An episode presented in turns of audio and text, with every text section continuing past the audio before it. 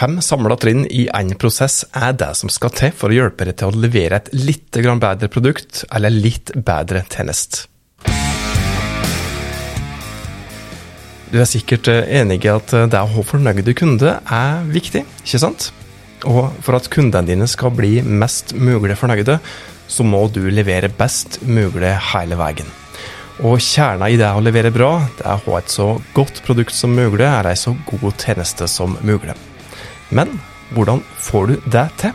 Det er faktisk fem trinn som du kan følge for å få det til, og disse trinnene skal vi prate om i dag.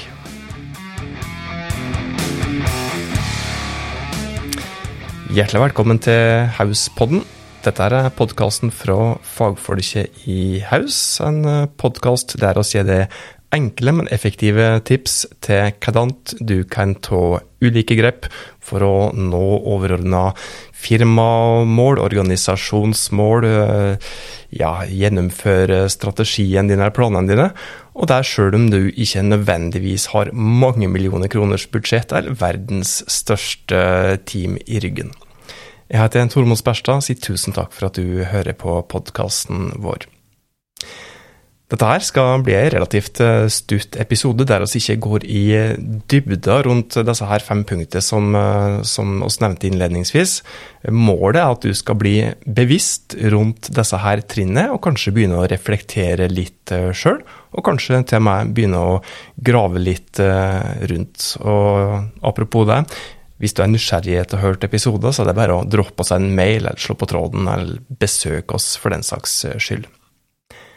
Faser, eller trinnet, vil kanskje enkelte kjenne igjen fra overordna og anerkjente arbeidsmetodikker, for det er faktisk i bunn og grunn de samme trinnene som du jobber ut fra når du bruker det som, det som er kjent som design thinking, eller designtenkning, designdriven innovasjon, som metode.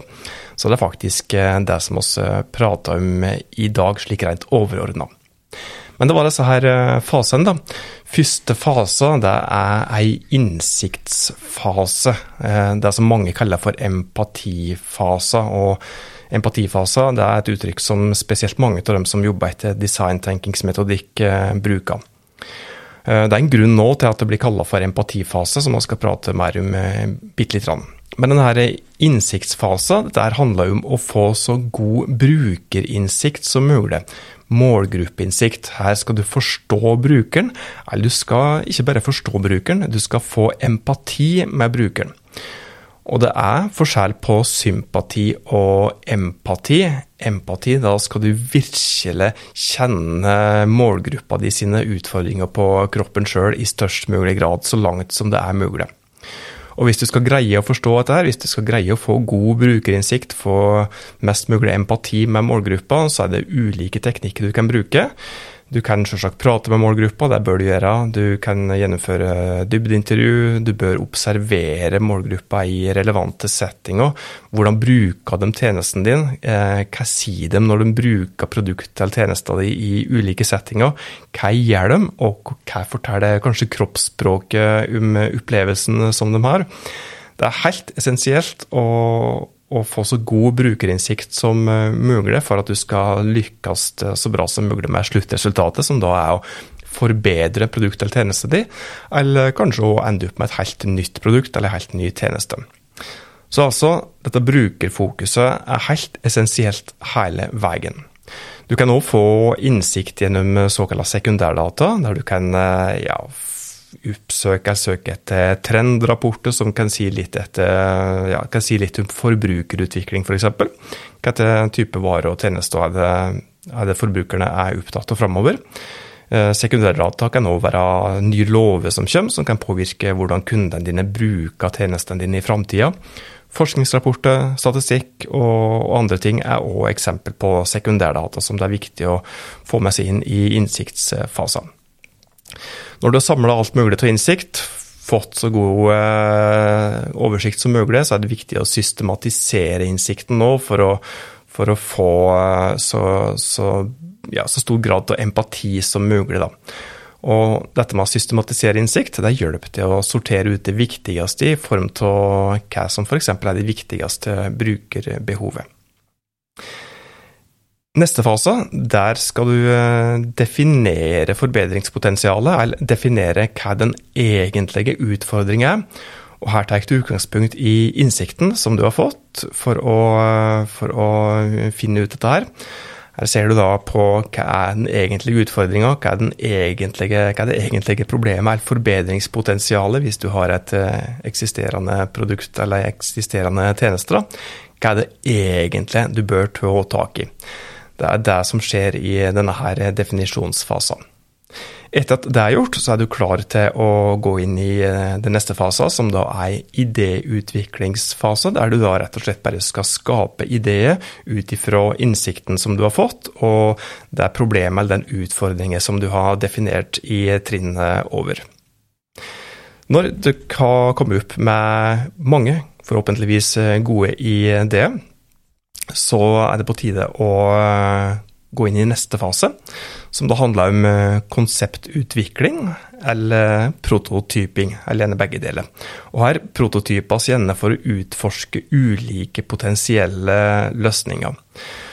Et eh, konsept er noe som er på skissestadiet, ting som eh, ikke er realisert som et endelig produkt ennå. Så det er det som er målet i denne fasen her, å utvikle gjerne ulike alternativ til konsept. Hvert fall to ting som du kan teste opp mot hverandre prototype dem, slik at du får dem så, ja, så nærme ei løsning som mulig. Kanskje ikke så nærme ei løsning som mulig, men at de er i hvert fall mulig ja, at, at det gjør det mulig for deg da, å få et uh, greit overblikk om dette her er ei forbedring eller et produkt eller tjeneste som du kan gå videre med. Er denne løsningen egentlig noe å ta med seg videre? skal en gå tilbake til, til tegnebordet. Etter at en har utvikla ulike konsept, prototyper, så går du over i testfaser. Her testa du disse ulike alternativer. De testa de ulike konseptene for å lære hva det som funka, og hva det som ikke funka. Så det er da det siste trinnet i denne prosessen der. Du testa for å da kunne ta med den lærdommen der til å da gjennomføre den eh, endringen i produktet, eller den justerte tjenesten, for å nettopp da få et bedre produkt eller få ei bedre tjeneste.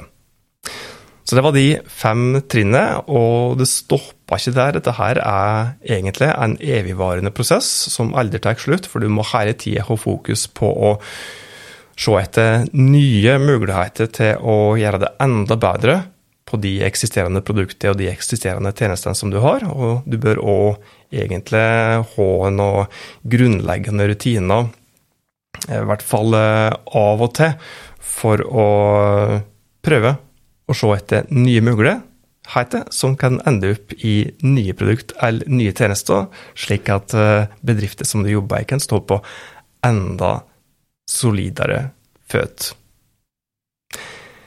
Hvis du skal prøve å oppsummere dette her, så er dette med brukerfokuset da, som kanskje er det absolutt viktigste. Husk å ha brukeren i sentrum hele tida. Prøv å leve det inn i brukeren sin situasjon. Eh, observer brukeren når den bruker produktet eller tjenestene dine, slik at du i størst mulig grad greier det å leve det inn i de utfordringene som eh, vedkommende har. Og Når du jobber etter denne metodikken her òg, så um, er det lurt å prøve å ikke tenke løsning med en gang, og i hvert fall når du skal ha dialog med målgruppa di. Ikke si da at eh, hei, jeg har en kjempegod idé, jeg har et kjempebra produkt, eh, hva syns du om denne ideen her skal gjennomføre det? For da får du ofte et svar som er positivt. Det er mye bedre at du tar utgangspunkt i et reelt problem eller en reell utfordring som målgruppa di har, uten å nevne ideen din, og så kan du da bruke så her prosesstrinnet her for å validere den ideen som du kanskje hadde i utgangspunktet. Så ikke ha fokus på idé først. Prøv å tenke på utfordringer som målgruppa di har, så vil det hjelpe deg til å kunne levere enda bedre.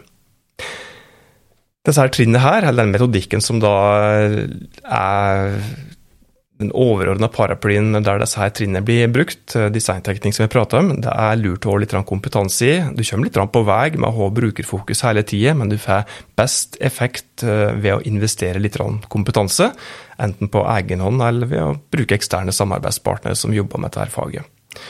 Og En eh, grunn til å ha med eksterne eller eventuelt å tilegne deg sjøl kompetanse. Gruppe gruppesammensetninger når du jobber med små og store innovasjoner, som det å forbedre en tjeneste eller et produkt er, det er helt essensielt. God effekt er altså avhengig av hvordan de ulike personene som bidrar er. Så denne gruppesammensetningen er også viktig. Og det å sette sammen ei god gruppe som skal jobbe med å forbedre et produkt, forbedre en tjeneste, det er nesten et lite fag i seg sjøl. Det var det som vi hadde å by på i dagens episode av Hauspodden. Er du nysgjerrig på det som vi eh, nevnte her, er det fullt lov å ta kontakt med oss. Slå på tråden, stikk innom whatever. Inntil oss eh, høres neste gang, så må du ta godt vare på det og dine.